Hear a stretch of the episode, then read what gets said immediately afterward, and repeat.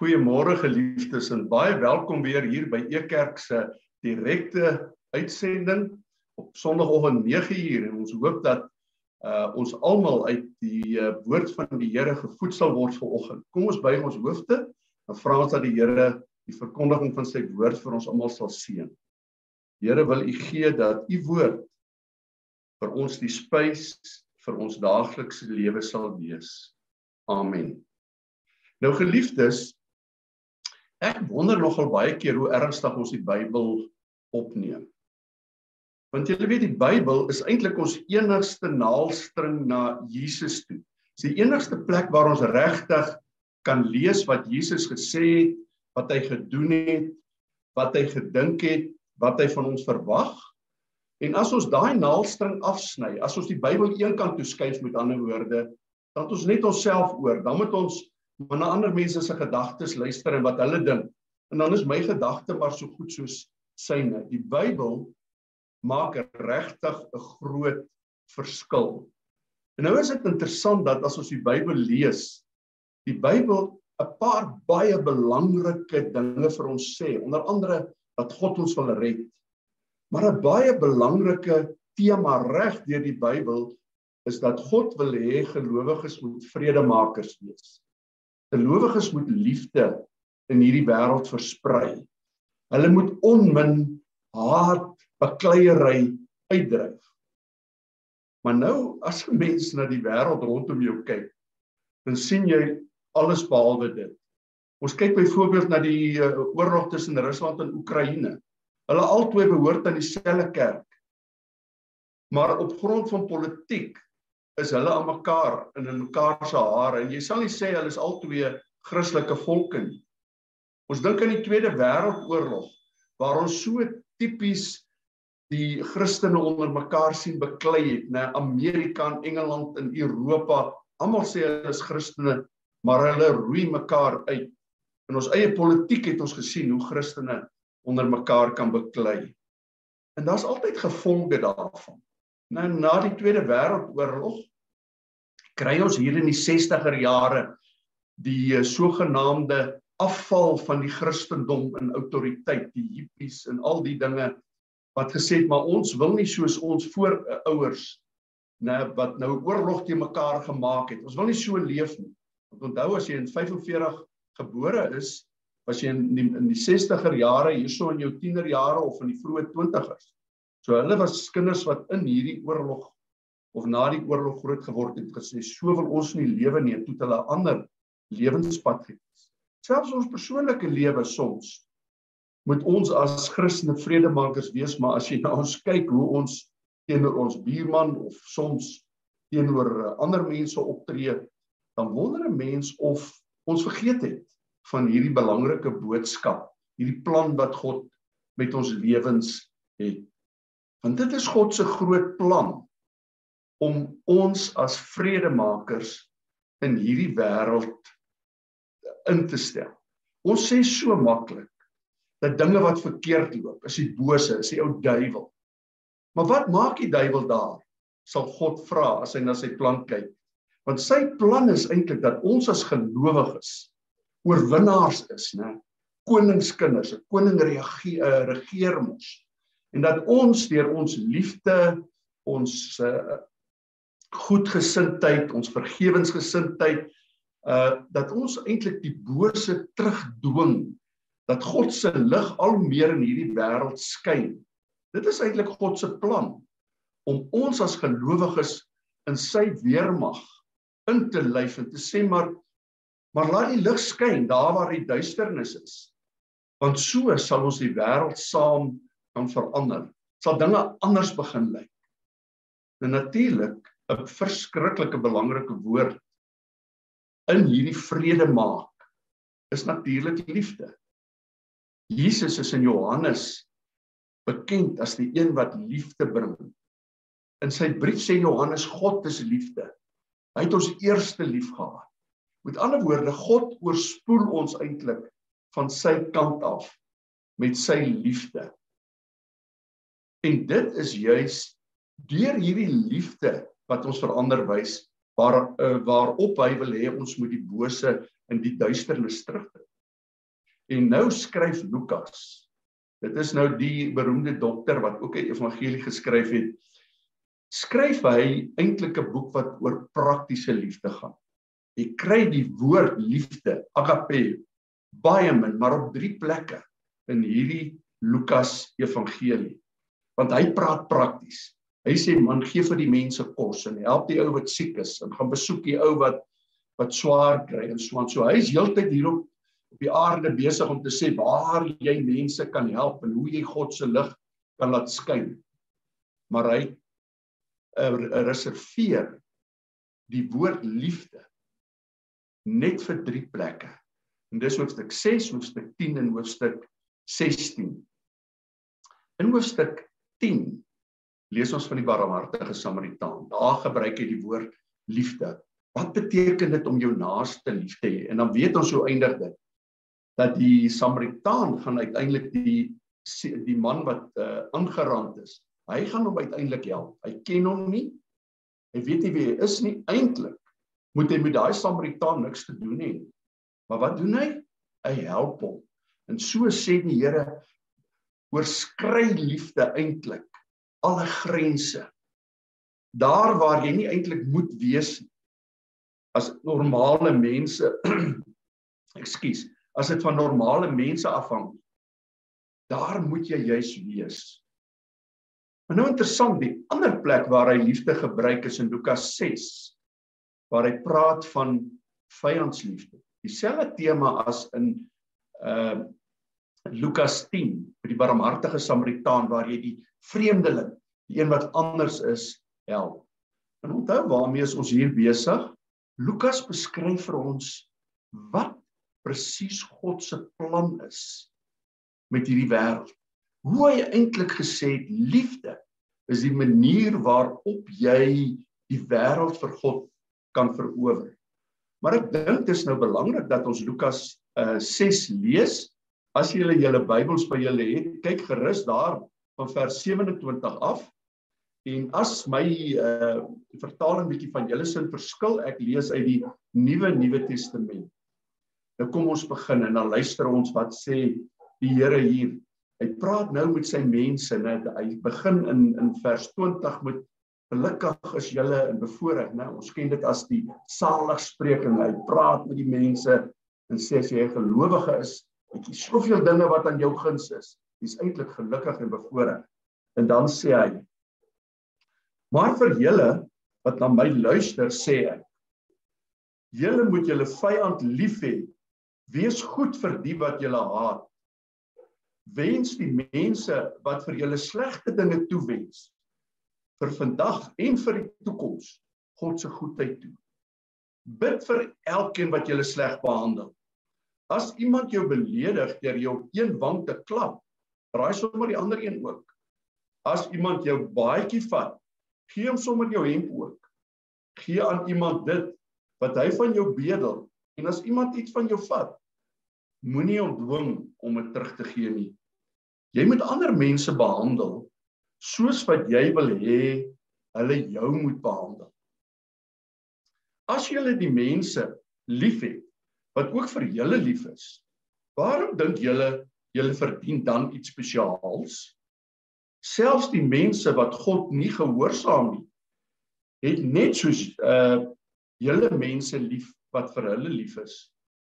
As julle mense goed behandel wat ook vir julle goed is, waarom dink julle julle verdien iets spesiaals? Slegte mense doen dit ook. En wat is so spesiaal daarin om geld te leen aan mense wat jy dan verwag hulle moet terugbetaal? Slegte mense leen net so ook geld aan ander slegte mense omdat hulle verwag dat hulle dit sal terugbetaal. Nee, met julle moet dit anders wees. Julle moet julle vyande lief hê. Julle vyande goed behandel en aan hulle gee sonder om iets daarvan uh terug te verwag. God sal julle egter ryklik beloon. Kyk, hy help ander en is goed vir hulle al is hulle ondankbaar en verdien hulle niks daarvan nie. As julle soos hy omgee, wys julle julle is kinders van God, die Allerhoogste. Ja, Help ander en wees goed vir hulle, net soos julle Vader hulle help en vir hulle goed is. Nou geliefdes, hier kom Jesus by die kern van liefde. En hy begin hier in vers 27 met 'n interessante voorbeeld. Hy sê, "Weet jy wat? Sê nou maar jy staan in hierdie wêreld en daar's mense wat jou sleg behandel. Hulle beledig jou. Hulle uh vloek jou in 'n sekere sin staan hier. Met ander woorde, in jou alledaagse lewe is daar mense wat wat jou negatief en sleg behandel op verskillende maniere. Nou onthou, hier gaan dit nie oor kriminaliteit en mense wat jou bespeel en die goed nie. Dis iets heeltemal anders. Hier gaan dit doodgewoon oor jou verhouding met ander mense. En wat jy van daai mense ontvang is net slegte negatiewe verhoudings, mense wat jou sleg behandel. Dan vra die Here in die tweede plek hier, wat moet jy as gelowige nou doen? Nou die normale in in die ou tyd en vandag ook seker maar was dat mense gereageer het op dieselfde manier. Met ander woorde as iemand jou beledig, dan beledig jy hom terug. As iemand jou vloek, vloek jy hom terug. Dit noem ons reprositeit. Met ander woorde, wederkerigheid wat jy kry, gaan jy vir daai ou teruggee. Dis soos uh, die ou wette sê oog vir 'n oog en 'n tand vir 'n tand. So, belediging vir 'n belediging, 'n eh, vloek vir 'n vloek, uh ensovoorts. Maar nou sê die Here nee. Die gelowige se lewe moet op twee maniere verander. In die eerste plek moet hy hierdie idee uit sy kop uitkry om ander terug te betaal om hierdie oog vir oog gedagte uh toe te pas. Daarvan moet jy ontslaa raak. Dit versuur uh jou lewe soos 'n kanker. Dat jy heeltyd as mense teenoor jou optree, is jy reg om te sê nou maar goed. Jy het nou so gemaak, nou gaan ek jou terugkry. Die Here sê Christen kry nie terug nie. Ons lees dit al met Paulus. Hy sê jy hou nie boek van die kwaad nie.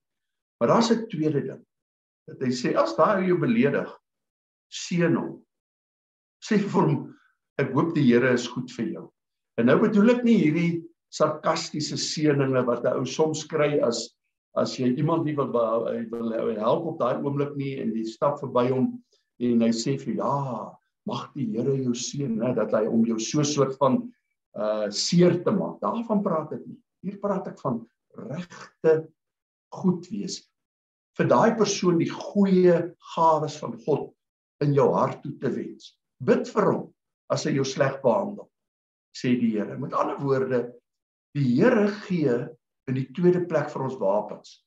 As ek sê goed, ek gaan nie daai ou terug beledig nie, wat moet ek dan doen? Moet hom met God se wapens benader met liefde, seën, met 'n gebed, met vriendelikheid. As hy my beledig, moet ek vir hom sê man dit dit maak nie saak nie. Ek gee vir jou liefde in die plek daarvan. En daarmee dryf ons eintlik die bose terug.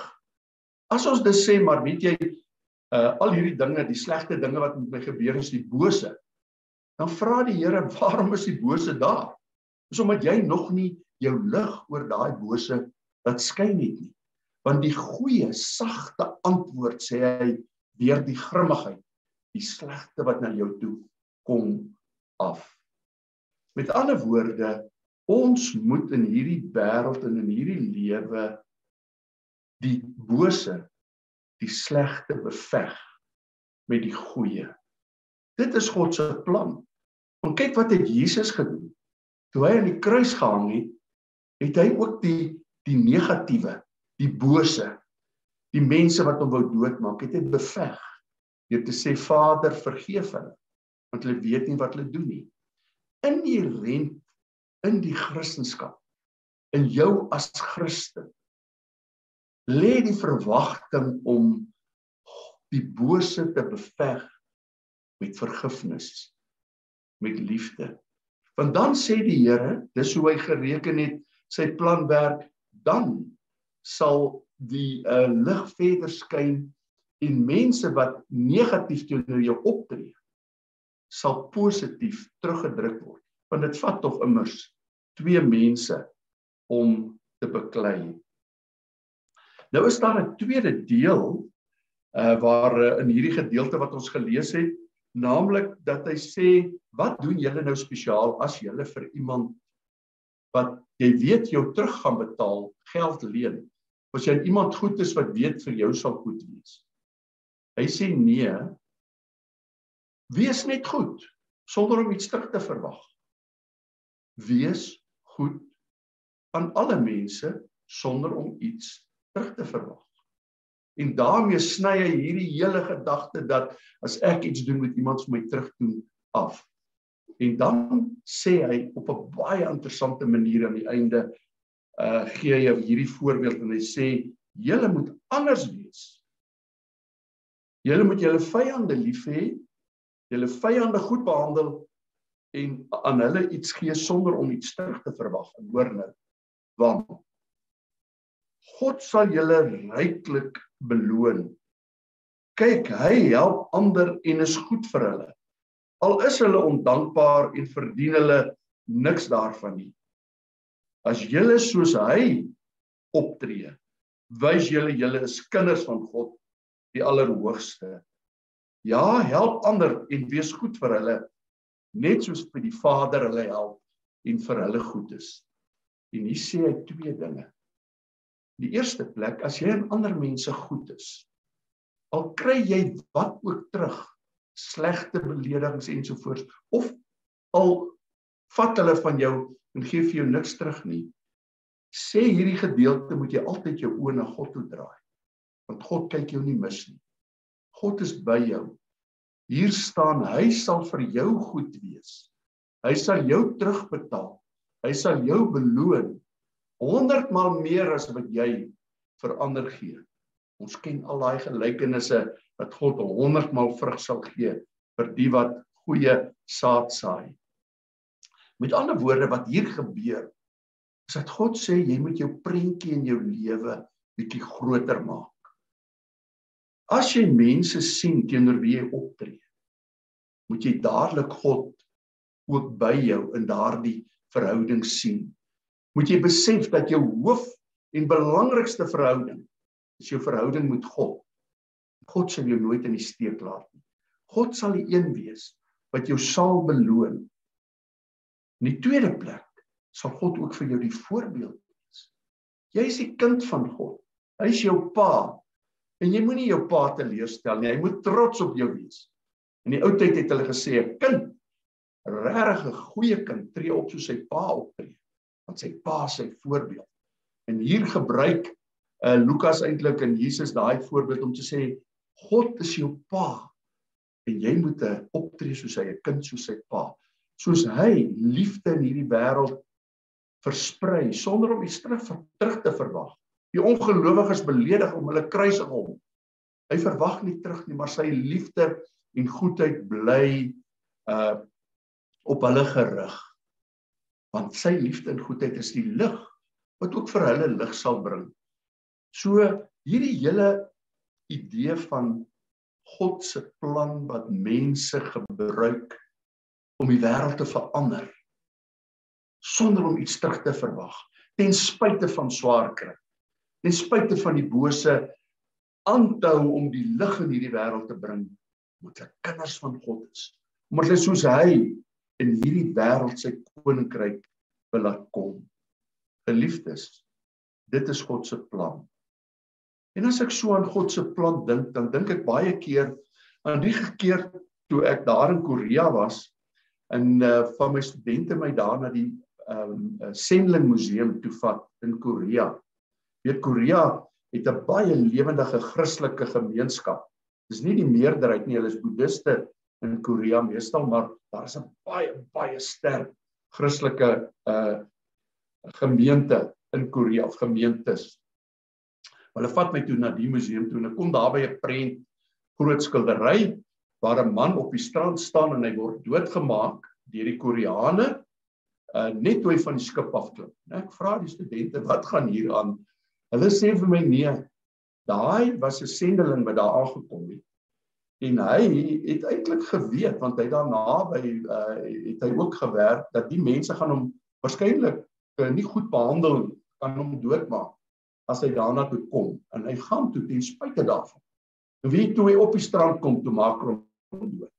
Uh maar 'n ruk later toe kom hulle agter daai hele stam, daai hele groep het Christene geword.